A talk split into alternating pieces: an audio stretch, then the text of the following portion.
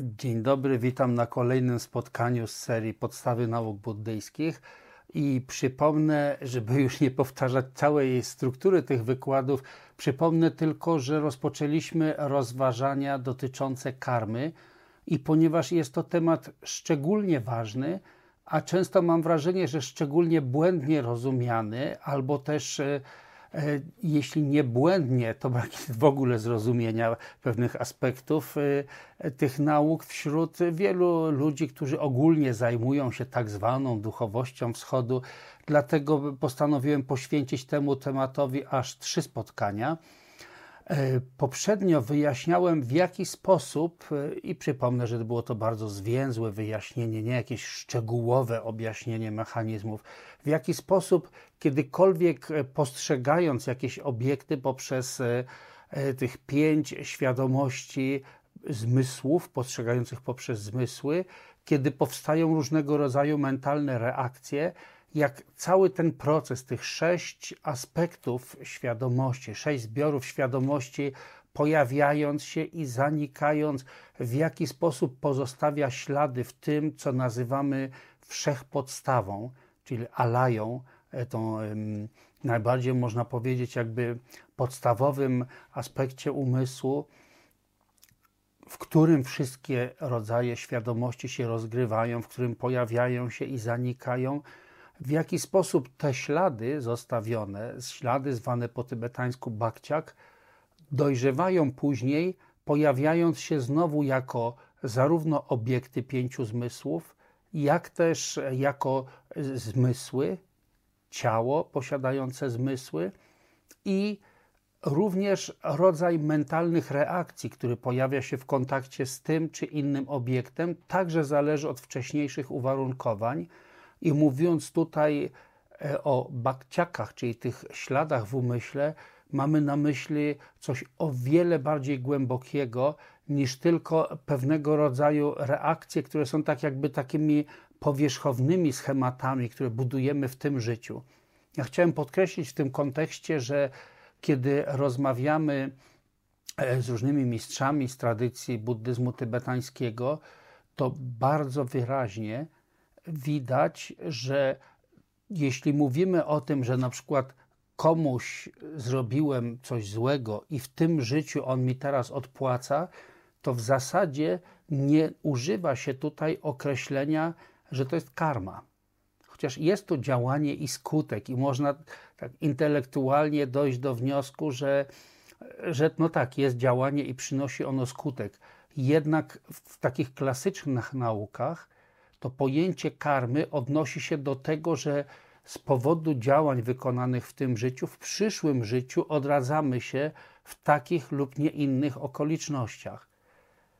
Nazywa się to tak zwaną karmą przenoszącą, w jakim miejscu się odrodzimy.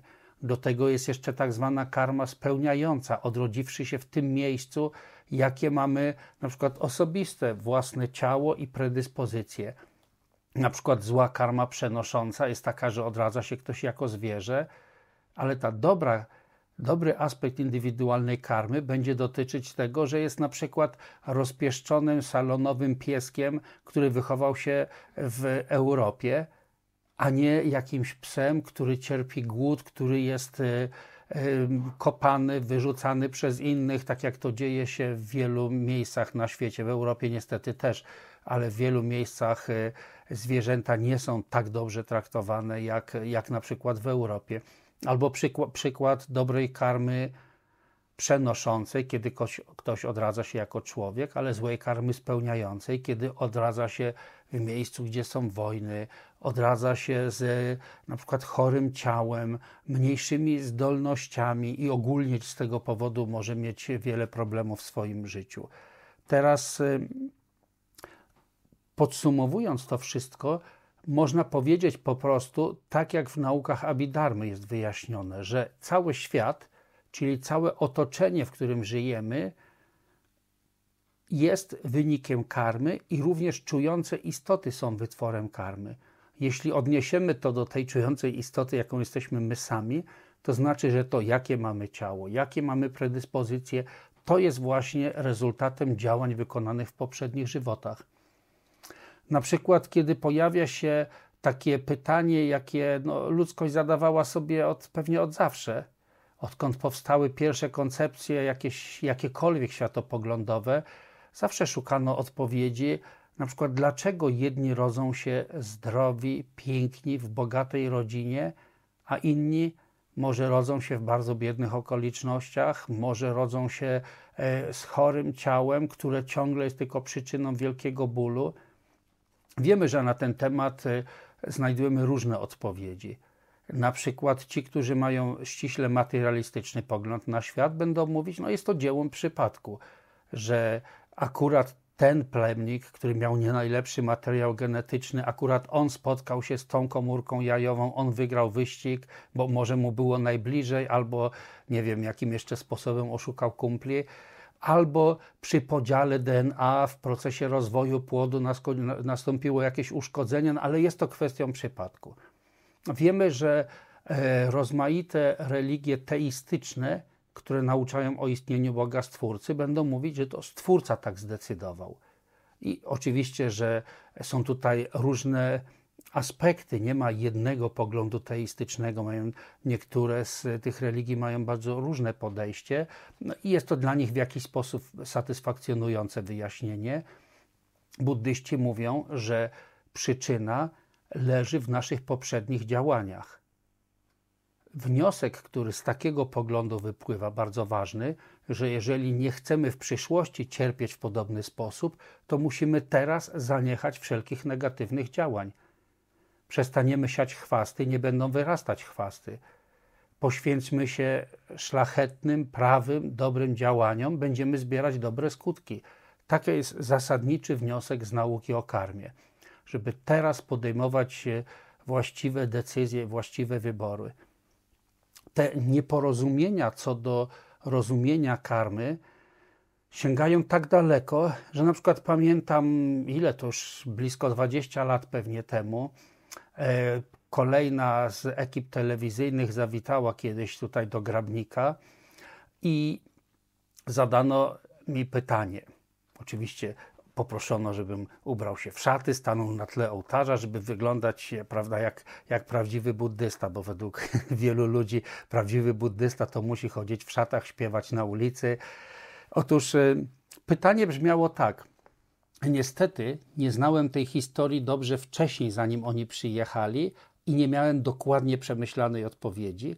A pytanie brzmiało tak, że był to moment, kiedy trener piłkarskiej reprezentacji Anglii stracił pracę, dlatego iż powiedział w jakimś wywiadzie głośno, że ludzie, którzy rodzą się jako e, niepełnosprawni fizycznie, że doświadczają w ten sposób skutków swoich własnych działań z przeszłości.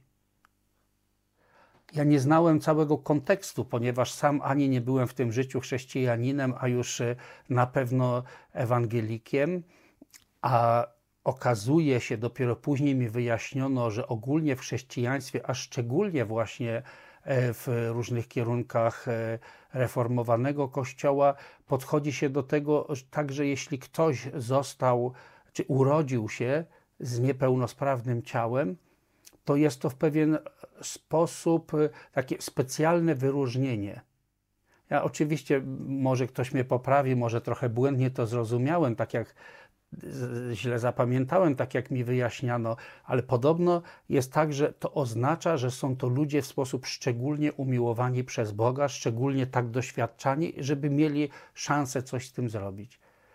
W tym kontekście, kiedy odczytano słowa tego trenera w ten sposób, tak jakby on potępiał ich, sami sobie są winni, no to trudno się dziwić, że obudziło to wielkie wzburzenie. Tymczasem wynikało to przede wszystkim z błędnej interpretacji tego, co rozumie się jako karma. Ja z tego, co słyszałem później, podobno ten trener wcale nie był buddystą. Ogólnie takie kierunki, jakieś new age'owe czy hinduistyczne, a, a może nie jestem dobrze poinformowany, ale że takie kierunki go inspirowały. Jeśli jednak po buddyjsku zrozumiemy prawo karmy, to takie stwierdzenie, że ktoś doświadcza skutków swoich czynów, absolutnie nie oznacza potępienia czy odrzucenia. Popatrzmy na to tak. Gdyby matka zobaczyła, że jej dziecko dotknęło rozgrzanego żelazka i bardzo się sparzyło. Rozsądna matka wie, że dziecko popełniło błąd. Na skutek błędnego działania doświadcza teraz bólu. Ale to nie znaczy, że matka go nie kocha, że matka go potępia czy odtrąca, tylko właśnie z wielką troską będzie dbać o to, w jaki sposób ulżyć teraz temu cierpieniu, a po drugie, jak nauczyć dziecko, żeby nie robiło rzeczy, które przynoszą jej cierpienie, czy przynoszą dziecku cierpienie. Nauczyć, jakie działania prowadzą do cierpienia i których unikać w przyszłości. To jest bardzo ważne. Zupełnie nierozsądne byłoby inne podejście, które zdarzało mi się widywać w życiu, kiedy matka na przykład na oczach dziecka mówi: A ty, a ty niedobre żelazko i udaje, że bije żelazko. Żelazko nie jest dobre, żelazko nie jest złe. Zła jest głupota, która pcha dziecko do dotknięcia rozgrzanego żelazka i zobaczenia, co z tego wyniknie. A więc powiedzenie, że ktoś doświadcza skutków swoich własnych negatywnych czynów, nie jest potępieniem ani odrzuceniem i wcale nie stoi w sprzeczności z miłością i współczuciem. Tylko oznacza, że miłość i współczucie łączy się z mądrością która mówi: zacznij wyciągać wnioski. Nie popełniaj błędów, nie rób złych rzeczy, to nie będziesz doświadczał złych skutków. Na szczęście współcześnie za sianie tego rodzaju poglądów traci się tylko pracę. Jeszcze kilkaset lat temu w Europie traciło się życie za błędne poglądy. To jest zupełnie sarkastyczna uwaga z mojej strony, ale niestety prawdziwa. Otóż pójdźmy dalej z wyjaśnieniami. Karma oznacza działanie i skutek. Kiedy działanie i skutek w czasie są bardzo nieodległe, to bardzo łatwo wyciągamy wnioski. Każdy z nas pewnie kiedyś w młodości dotknął rozgrzanego żelazka i wiemy teraz, dotykanie żelazka nie jest dobre, bo boli. Gdyby było tak, że czyny, co do których Buddha zobaczył, że przynoszą cierpienie, gdybyśmy ich skutki widzieli od razu bezpośrednio, nie potrzebowalibyśmy żadnych moralnych nauk. Nie potrzebowalibyśmy ćwiczyć się w dyscyplinie, bo widzielibyśmy od razu, robię to, doświadczam bólu. W takim razie nie chce mi się tego robić. Ale ponieważ przyczyny i skutki są odległe w czasie, dlatego często albo nie potrafimy wyciągać odpowiednich wniosków, albo nawet jeżeli wystarcza nam logiki i inteligencji, żeby zrozumieć powiązanie przyczynowo-skutkowe, to bardzo często emocje są o wiele silniejsze od naszej mądrości i rozsądku. Ja nieraz powoływałem się na taki przykład, którego raz po raz doświadczałem, a teraz mi się zdarza na szczęście o wiele rzadziej doświadczać w moim przypadku tak to działa, że kiedy zjadłem czekoladę, czy zjadłem kawałek tłustego tortowego ciastka na przykład, murowane. Po 40 minutach, po pół godzinie od razu bolała mnie głowa. I byłem świadomy tego, że tak w moim przypadku działa określony czyn, a potem jego skutek, a i tak ciągle próbowałem siebie oszukiwać z powodu zwykłej żądzy, pragnienia do, doświadczenia tego, tego przyjemnego smaku słodyczy. Z tego powodu oszukiwałem siebie i zawsze myślałem, a może tym razem mnie nie zaboli. I okazuje się, że działania i skutków no, niełatwo oszukać. Także jeszcze trudniej jest wtedy, kiedy na skutki swoich czynów musimy czekać wiele żywotów. Wtedy brakuje nam inteligencji, żeby zrozumieć, że to, że teraz doświadczamy chorób, że teraz doświadczamy e, różnego rodzaju klęsk w naszym życiu, różnego rodzaju rozczarowań, że to jest też skutkiem działań, które wykonaliśmy w poprzednich żywotach i które teraz dojrzewają jako obiekty, które budzą w nas niechęć. Tak e, mówiąc bardzo lapidarnie. to nie jest tak, iż Buddha ustanowił, że te i te działania są niedobre, ich zabraniam.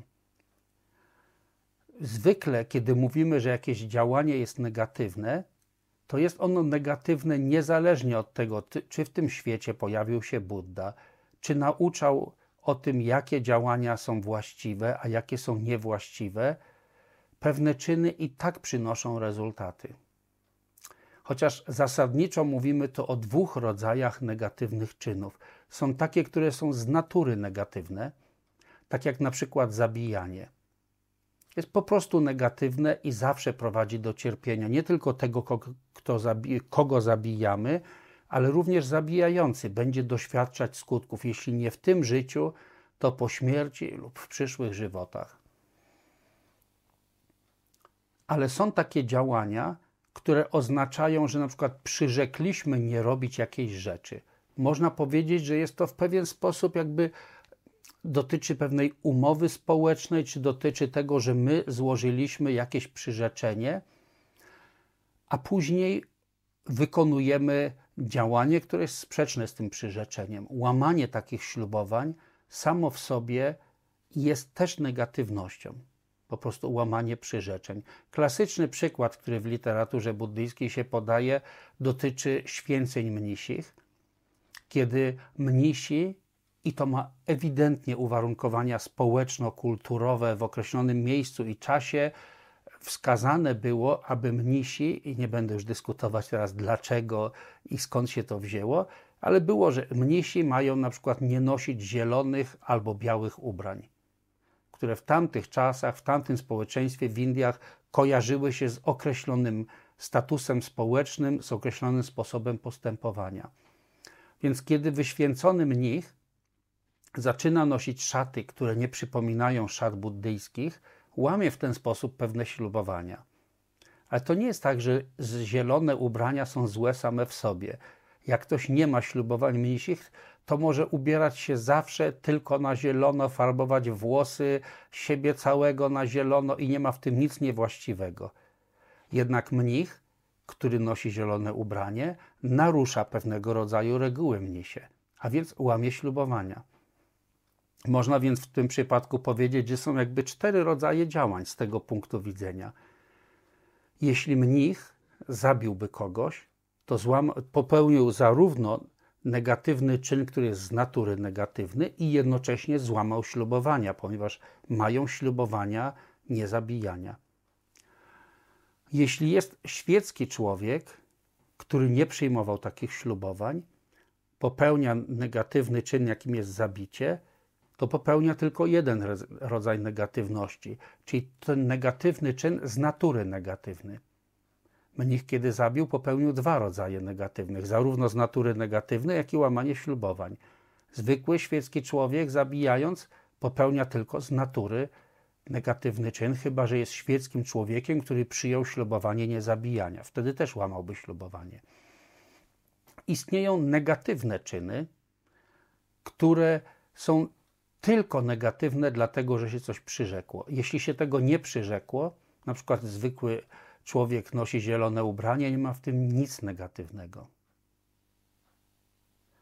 I wreszcie nie wymieniłem chyba jednego tylko przypadku, kiedy mnich popełniłby działanie, które jest tylko łamaniem ślubowań, a nie jest czymś z natury negatywnym. Więc to jest prosta klasyfikacja. Ogólnie, kiedy mówimy o popełnianiu czynów i zasiewaniu karmicznych nasion, mówimy, że istnieją dwa rodzaje karmy. Po tybetańsku nazwy są takie bardzo podobne. Sampeile i sempeile. Le znaczy czyn, działanie. Otóż e, sem znaczy umysł. Dotyczy to działań umysłu.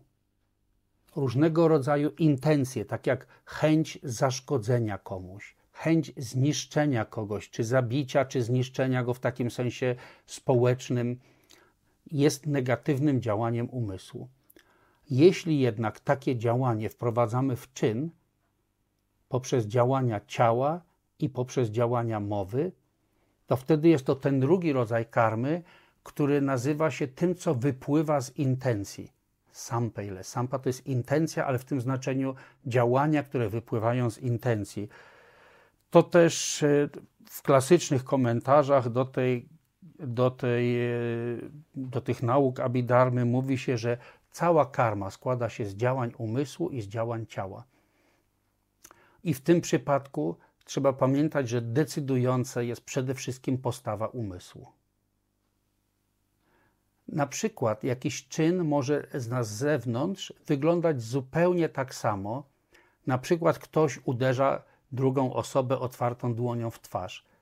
Jeśli patrzymy z boku, może się wydawać, że jest to coś bardzo złego, ale możemy nie wiedzieć, nie widzieć tego z pewnej odległości, że na przykład e, przyjaciel ratował kogoś, kto właśnie mdlał i próbował go ocucić. Widzimy człowieka uderzającego drugą osobę w twarz z intencją ratowania, ratowania być może nawet życia. Patrząc z daleka, nie rozpoznamy. Tu istotna jest intencja, z jaką ten czyn się wykonywało. Z tego punktu widzenia znowu można podzielić na takie działania, które, które są czystymi działaniami z czystą intencją. Istnieją też, też czyste działania z nieczystą intencją. Na przykład e, wielki XIX-wieczny mistrz naszej tradycji, Dziamgon Kongtrul Lodrotaje, daje taki przykład, że ktoś powiedzmy odznacza się niezwykle wielką szczodrością, fundując e, jakieś świątynie, posągi i tak co ogólnie zalicza się do szlachetnych działań, ale na przykład jedyną jego intencją jest pragnienie sławy, bycie doceniania przez innych, a więc zgniła motywacja. Są inne przykłady, kiedy jest czysta intencja, ale z powodu braku zrozumienia i błędnych poglądów nieczyste działanie. Przykład może być taki: ktoś na przykład chce ugościć swojego duchowego mistrza i myśli, no po to, żeby go ugościć, na przykład zabije teraz kurkę biegającą po podwórzu, dzięki temu będę mógł ugotować rosół i ugościć swojego lamę. W zasadzie intencja uszanowania, ofiarowania tego, co się uważa za najlepsze swojemu duchowemu mistrzowi, można powiedzieć czysta intencja, ale zabijanie jest nieczystym działaniem. To też w naukach Buddy jest wyraźnie powiedziane, iż powinniśmy dbać o to, żeby zarówno intencja, jak i działanie były czyste. Zdecydowanie unikać tego, kiedy i intencja, i działanie są nieczyste, albo kiedy tylko jedno z nich jest nieczyste. I kiedy już to sobie ogólnie wyjaśniliśmy, to powinniśmy zrozumieć, że z punktu widzenia tego, jakie skutki będą określonych działań. Zależności od tego działania nazywamy negatywnymi, działaniami pozytywnymi, albo istnieje też trzecia kategoria i są to tak zwane działania bez ruchu. O czym będę wyjaśniać później, myślę, że już y, chyba na następnym spotkaniu. Otóż działania negatywne to są takie, które sprawcy przynoszą cierpienie. W przyszłych żywotach, ba być może nawet i bezpośrednio w tym życiu, ale z całą pewnością w przyszłych żywotach będziemy doświadczać szkodliwych rezultatów w postaci cierpienia.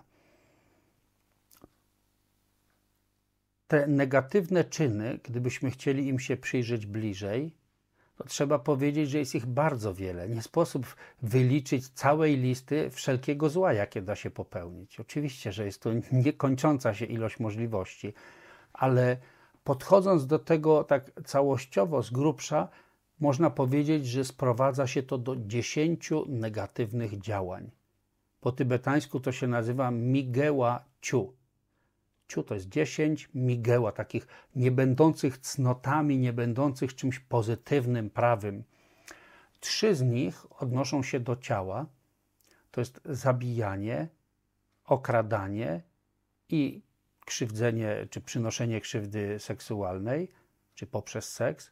Cztery są negatywne działania mowy, kłamstwo, dalej e, szorstka mowa, taka, która bezpośrednio rani uczucia innych. Po trzecie, taka mowa, która e, prowadzi do niezgody, dysharmonii, sianie po prostu zwad, sianie dysharmonii. I czwartym rodzajem jest e, bezmyślne gadulstwo. Trzy negatywne działania umysłu, czy też po naszemu trudno powiedzieć, że jest to działanie umysłu. Po polsku byśmy pewnie powiedzieli, że są to postawy umysłu. Ale z punktu widzenia nauk o karmie to oznacza pewnego rodzaju myśl, intencje, czyli coś, co zostawia też ślady, więc po tybetańsku tak samo nazywa się to le, czyli działanie umysłu. Karma umysłu. Są to po pierwsze zła wola, czyli życzenie innym cierpienia, chociaż tutaj kolejność e, nie jest tak istotna. Ja za chwilę, jak będę bardziej szczegółowo omawiać każdy z nich, to pewnie pierwsze pojawi się pragnienie, w sensie e, pragnienie przywłaszczenia cudzej własności, rządza. Potem zła wola, czyli życzenie innym cierpienia, jakiejś szkody i wreszcie błędnych, błędne poglądy. Mam zamiar omówić każdy z tych dziesięciu uczynków bardziej szczegółowo, mimo że wielu z Was z pewnością słyszało już tego rodzaju wyjaśnienia nieraz, ale często się spotykam, że nawet ci, którzy od wielu lat zajmują się buddyzmem, mają bardzo mgliste pojęcie, nie bardzo rozumieją, co rozumie się pod pojęciem na przykład błędnych poglądów czy e, czczej gadaniny. Dlatego zakładam, że będzie jakiś pożytek z przypomnienia sobie jeszcze raz, co to są to negatywne działania. Pierwsze z nich odbieranie życia. Pokrótce można powiedzieć, że są jakby trzy rodzaje czy trzy sposoby odbierania życia. To jest na skutek pożądania czy też pragnienia, na przykład zabijanie po to, żeby później sprzedawać skórki ze zwierząt, po to, żeby w ten sposób realizować jakieś, jakieś swoje pragnienia. Po drugie, to jest odbieranie życia na skutek nienawiści, na przykład z pragnienia zemsty, czy po prostu ogólnie nienawiści do wrogów. I po trzecie, odbieranie życia na skutek niewiedzy albo po prostu głupoty. Kiedy ktoś myśli, że na przykład składając krwawe ofiary, będzie mógł zbudować szczęście swoje, swoich bliskich, ma błędne poglądy i myśli, że negatywne czyny pro mogą prowadzić do budowania szczęścia. Jeśli chodzi o skutki takich negatywnych działań, to może zanim przejdziemy do skutków, chcę zwrócić uwagę na to, że w buddyzmie odbieranie życia dotyczy odbierania życia wszystkim czującym istotom. Czująca istota co jest bardzo niedosłownym tłumaczeniem tybetańskiego, bo nawet pytano, a czy są jakieś istoty, które nie są czujące. Nie, tak na dobrą sprawę to jest po prostu kalka językowa, która się przeniosła z angielskiego, sentient beings, Anglicy też mi się zdarzało, że pytali, a czy są jakieś beings, które nie są czujące. Po tybetańsku jest kilka synonimów. Najczęściej używany to jest sem cien, czyli dosłownie mający umysł, obdarzony umysłem w tym znaczeniu, że każdy, kto ma zdolność odczuwania na przykład jakiegoś rodzaju radości, zadowolenia, odczuwania lęku, przeżywania ogólnie tego rodzaju uczuć, jak na przykład strach przed śmiercią i inne, jest obdarzony umysłem, czyli jest czującą istotą. Czasem widać nawet najmniejsze owady, kiedy czują się zagrożone, jakiego porównując do ich możliwości heroicznego wysiłku się podejmują, po to, żeby ratować swoje życie. Dotyczy to nie tylko wielkich zwierząt, i to nie jest tak, że im większe jest ciało, tym życie ma większą wartość. Gdyby tak było, że wielkość ciała to jest bardzo duże konsekwencje, ma to, co mówię, i nie są to moje wymysły, tylko powołuję się na konkretne nauki, które wielokrotnie słyszałem od e, największych autorytetów e, w naszej tradycji to nie jest tak, że na przykład zabicie większego zwierzęcia jest gorsze niż zabicie małego zwierzęcia. Że ono jest mniej czującą istotą, czy bardziej czującą istotą. Sięgnąłbym po taki przykład, że gdyby to była prawda, że większe ciało oznacza większą wartość życia, to trzeba by pewnie stwierdzić, że moje życie jest pewnie z półtora raza więcej warte niż życie jego świątobliwości Dalaj Lamy, w żadnym przypadku nie można zgodzić się z takim błędnym z natury poglądem. Wielkość ciała nie oznacza tego, że życie jest bardziej wartościowe. Więc ogólnie wszelkie odbieranie życia ludzi, zwierzętom, czy też jeśli mówilibyśmy o jakichś innych istotach, których nie jesteśmy w stanie postrzegać naszymi zmysłami, także nie należałoby im odbierać życia, gdybyśmy mieli teoretycznie taką możliwość. Ale odbieranie życia ludzkiej istocie jest w pewien sposób wyróżnione. Jest powiedziano, że jest czymś szczególnie złym, dlatego że odbiera się komuś wyjątkową szansę. Na przykład żadne z naszych nawet najbardziej ukochanych zwierząt nie mają możliwości dokonywania tych moralnych wyborów, szlachetny czyn, nieszlachetny, podejmowania się e, praktyki duchowej ścieżki po to, żeby działać dla dobra wszystkich czujących istot, wstępować na ścieżkę bodhisattwy, a ludzie mają taką szansę. Kiedy ludzi pozbawia się życia, odbiera im się szansę zrobienia czegoś wielkiego i szlachetnego. Wiemy, że no, w świecie ludzkim tylko jest tak, że człowiek potrafi jednym naciśnięciem guzika zabić wiele tysięcy ludzi. Żadne zwierzę tego nie potrafi. Że człowiek, wydawszy jedno postanowienie, wydający jedno postanowienie, na przykład jakiś mądry, dobry władca, może wpłynąć na poprawę losu wielu, wielu tysięcy, jeśli nie milionów ludzi. Tylko ludzie mają takie możliwości i zabierając życie ludzkie, czyni się o wiele większe zło niż zabierając życie zwierząt. Ogólnie jednak, kiedy mówimy o skutkach zabierania życia, to podobnie jak w przypadku każdego innego negatywnego działania, będziemy to omawiać jako trzy rodzaje skutków. Po pierwsze, kiedy ta negatywna karma z powodu zabijania w pełni dojrzeje, to skutkiem tego jest odradzanie się w światach piekielnych i doświadczanie przez niesłychanie długi czas niewyobrażalnie wielkiego cierpienia. Przypominam, że cierpienie w światach piekielnych w buddyzmie nie oznacza cierpienie na zawsze. Kiedyś, po niesłychanie długim czasie, kiedy ta negatywna karma się wyczerpie, ktoś ma szansę odrodzić się w innym miejscu, tego co nazywamy kołowrotem samsary, w innej egzystencji. Kiedy skutek będzie podobny do przyczyny, to oznacza, że nawet jeśli nasza negatywna karma nie była aż tak zła, że odrodzilibyśmy się w piekle, jeśli, bo w końcu to nie jest tak, że jakiś jeden, jedna sytuacja jest skutkiem tylko jednej przyczyny. Na przykład to, że teraz ja siedzę przed kamerą, ktoś z drugiej strony prawdopodobnie e, słucha tego, co mówię. Ta sytuacja też ma swoje określone przyczyny, ale nie tylko jedną. Jest to cały splot przyczyn. Więc jeśli ten splot naszych pozytywnych i negatywnych działań doprowadzi nas do tego, że jednak odrodzimy się jako człowiek, to odrodzimy się jako człowiek, który będzie miał krótkie życie, będzie często chorował, być może będzie w miejscu, gdzie jego życie jest ciągle zagrożone, chociażby z powodu wojny. I ogólny skutek jest taki, że odrodzimy się w bardzo niesprzyjającym miejscu, gdzie jest bardzo mało godności, będziemy może poniżani, wykorzystywani przez innych. Drugi rodzaj negatywnego czynu to kradzież. Kradzież oznacza świadome przywłaszczenie sobie tego, co jest obcą wartością, własnością, czyjąś własnością.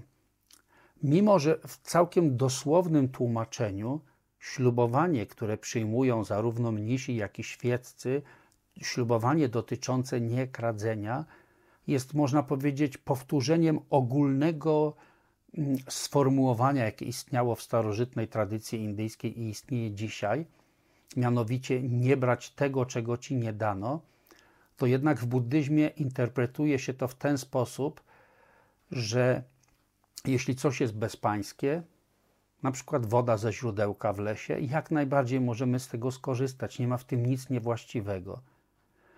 Istniały i istnieją takie tradycje duchowe w Indiach, które to ślubowanie traktowały całkowicie dosłownie.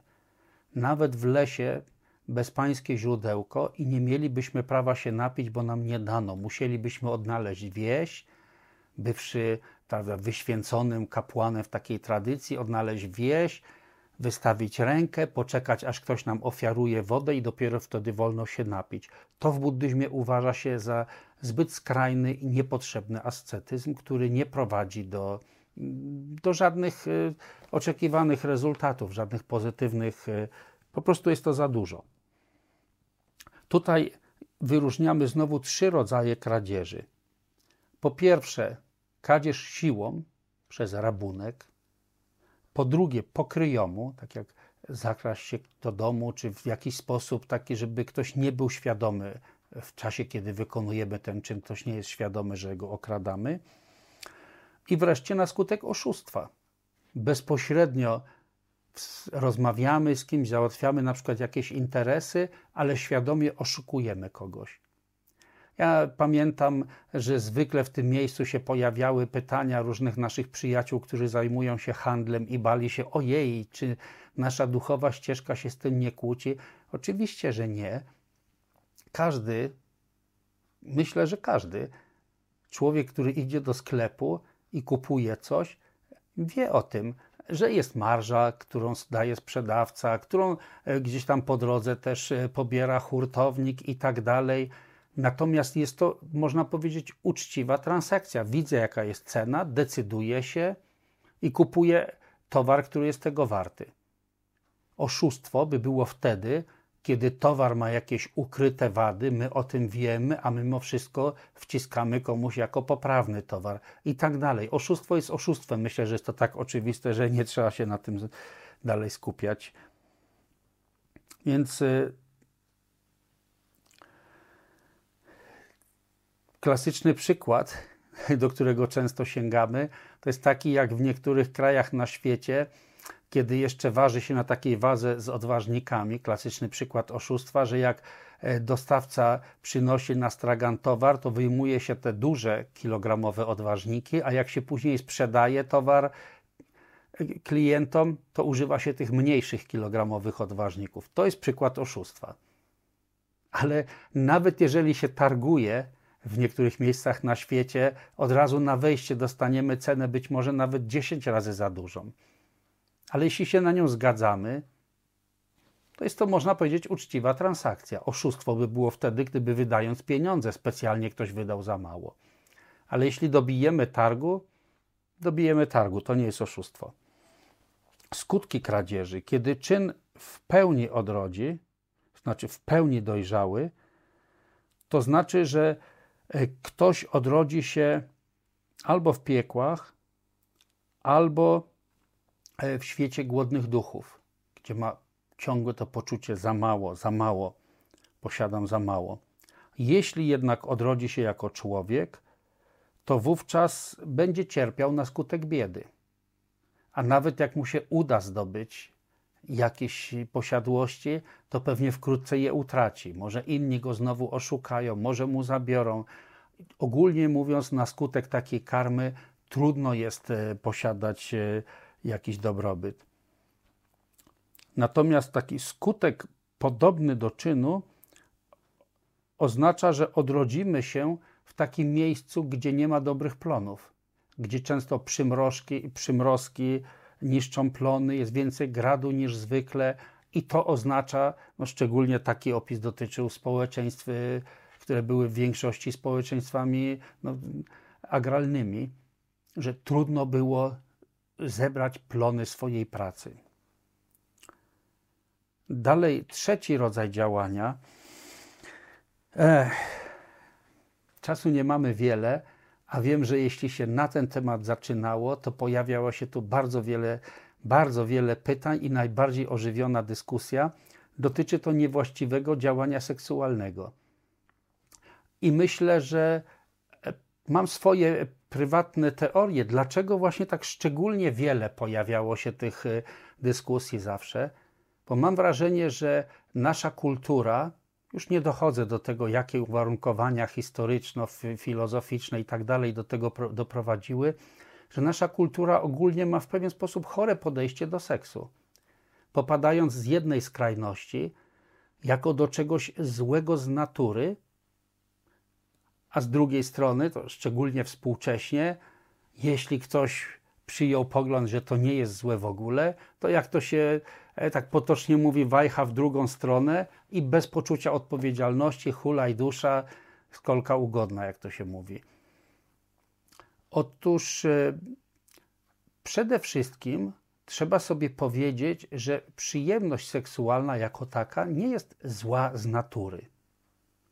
To, że normalny, zdrowy człowiek od czasu do czasu potrzebuje tego rodzaju aktywności, to jest tak naturalne, jak to, że normalny człowiek potrzebuje oddychać, normalny człowiek potrzebuje jeść, wydalać i tak dalej.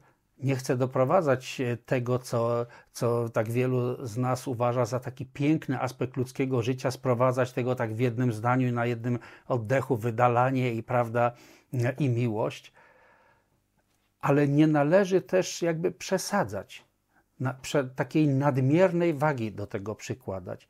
Tak wielu ludzi w naszych kulturach, i dotyczy to nie tylko Polski, bo zdarzało mi się na przykład tłumaczyć rozmowy osobiste ludzi z tak zwanych wyzwolonych krajów y, zachodniej Europy, jak też przychodzili do Tengi Rinpoche głęboko gdzieś z głębi dusza wyznawać swojemu mistrzowi, że, że mimo, że się zajmują duchowością, to mają jednak pożądanie. Albo z jakim wielkim poczuciem wstydu i poczuciem winy, na przykład wyznawali to, że jak nie mają partnera, to czasami e, sami e, dokonują samozaspokojenia. Pamiętam, jak e, Tenga Rinpoche, który był mnichem przez całe życie, jak bardzo na początku jakby nie docierało do niego, w czym jest problem.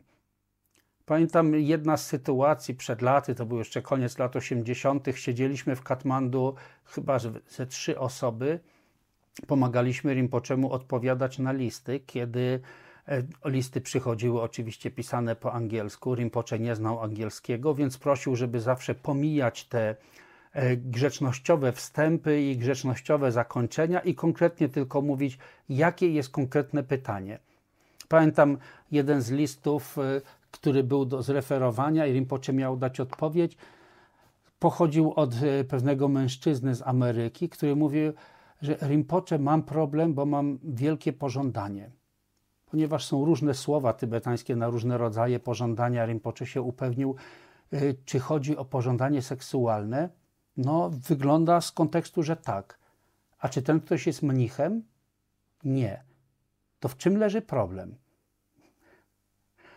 I trzeba było dopiero tłumaczyć, co wiem też od, e, od innych osób, które zresztą pionierów buddyzmu e, na zachodzie, jednych z pierwszych tłumaczy, na przykład jego świątobliwości Dalaj Lamy, e, jak mówili, że godzinami musieli objaśniać tybetańskim lamom, na czym polega to tak mocno wykształcone na zachodzie poczucie winy nie, nie dotyczące tylko i wyłącznie sfery seksualnej, ale ogólnie to poczucie winy, które w zasadzie w buddyzmie nie jest czymś takim znanym. Wszyscy wiemy, że mamy naturę Buddy, wszyscy wiemy, że mamy błędne nawykowe skłonności, próbujemy za nimi nie podążać, chcemy porzucić negatywne czyny, podejmować się szlachetnych, prawych działań, ale nieraz nam się nie uda. Popełniamy błąd. Ja bym porównał to do tego, jak idąc na przykład, może nawet w ładnym, czystym ubraniu, potkniemy się, wpadniemy w kałużę. No głupotą byłoby później godzinami, dniami, czy może do końca życia leżeć w tej kałuży i myśleć, och, jaki ze mnie nie zdara. Popełnić błąd, o to, czego powinniśmy unikać. Ale popełnić błąd i wciąż go rozpamiętywać, to dopiero prawdziwy błąd, powiedział kiedyś e, wielki chiński mędrzec. Otóż kiedy popełnimy błąd, zauważamy, rozumiemy, było to niewłaściwe, było to szkodliwe, ale trzeba się podnieść, otrzepać, iść dalej i próbować na drugi raz nie popełniać tego samego błędu. Nie ma sensu ciągle tylko zatrzymywać się nad tym nad tym pomyłką. Więc e, jeśli dotyczy to tej sfery życia seksualnego, to trzeba sobie powiedzieć, że jeśli poprzez ten aspekt życia, który wiąże się z tak silnymi emocjami i który pozwala budować bardzo piękne i pozytywne więzi, dawać przynajmniej doczesne poczucie szczęścia innym, zapominamy nieraz, że wiąże się właśnie z tak dużymi emocjami i że zranienie tych emocji może być wyjątkowo bolesne dla kogoś.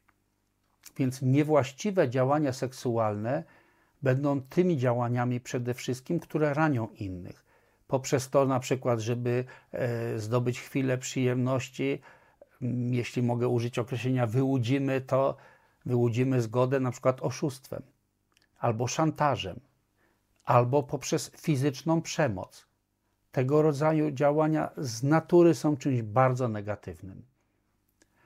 Negatywne będą też nawet działania wobec swojego partnera, wtedy, kiedy jest to na przykład w niewłaściwym czasie. Bywa tak, że tenże partner ze względu na różne duchowe praktyki może przyjąć na przykład czasowe ślubowania celibatu. Zdarza się wśród naszych przyjaciół praktykujących, że na przykład raz do roku w czasie specjalnego święta, święta modlitw, Mynlam, przyjmujemy 24-godzinne ślubowania celibatu, po to, żeby już nie rozpraszać się, żeby pewien rodzaj myślenia mieć, że tak powiem, odsunąć od umysłu i całkowicie skupić się tylko na tej, na tej praktyce modlitw i wszystkiego, co się z tym wiąże. Więc nawet jeśli jest to nasz partner, ale przyjął tego rodzaju czasowe ślubowania, nakłonienie go do złamania tych ślubowań będzie szkodliwym, niewłaściwym działaniem seksualnym, mimo że ogólnie mówiąc, można powiedzieć, jest to właściwy partner i w innych okolicznościach nie ma nic właściwego z tego, że się z nim kochamy. Coś się przejęzyczyłem? Szybko powiedzę. Nie ma nic niewłaściwego. Dobra. Zwykle to jest tak, że kiedy nie jestem dobrze wypoczęty, to od razu jest taki detektor. Zaczynam się często przejęzyczać w tym, co mówię. To jest takie proste przełożenie. Ok, ale wracając do dzieła. Istnieją też takie miejsca, w których robienie tego nawet ze swoim partnerem, wiemy, że gorszyłoby innych ludzi, byłoby jakby okazywaniem braku szacunku dla pewnego rodzaju ludzi. A więc są tego rodzaju działania, które są niewłaściwe, ale trzeba pamiętać, że ogólnie rzecz biorąc, i tu znowu mógłbym powoływać się na imiona wielkich, niezwykle wykształconych lamów, którzy kiedykolwiek o tym rozmawiałem, podkreślali, jest to w dużej mierze kwestia uwarunkowań społecznych i akceptacji społecznej. Także przede wszystkim nie robienie tego, co z pewnością rani innych poza umową, i są też takie rzeczy i takie rodzaje działań, które w pewnych społeczeństwach są nieakceptowane. No, sięgam tutaj nie, niejednokrotnie po przykład tego, że chociażby we wschodnim Tybecie, nawet współcześnie, nierzadko bywa tak, że jedna żona ma dwóch mężów albo trzech mężów.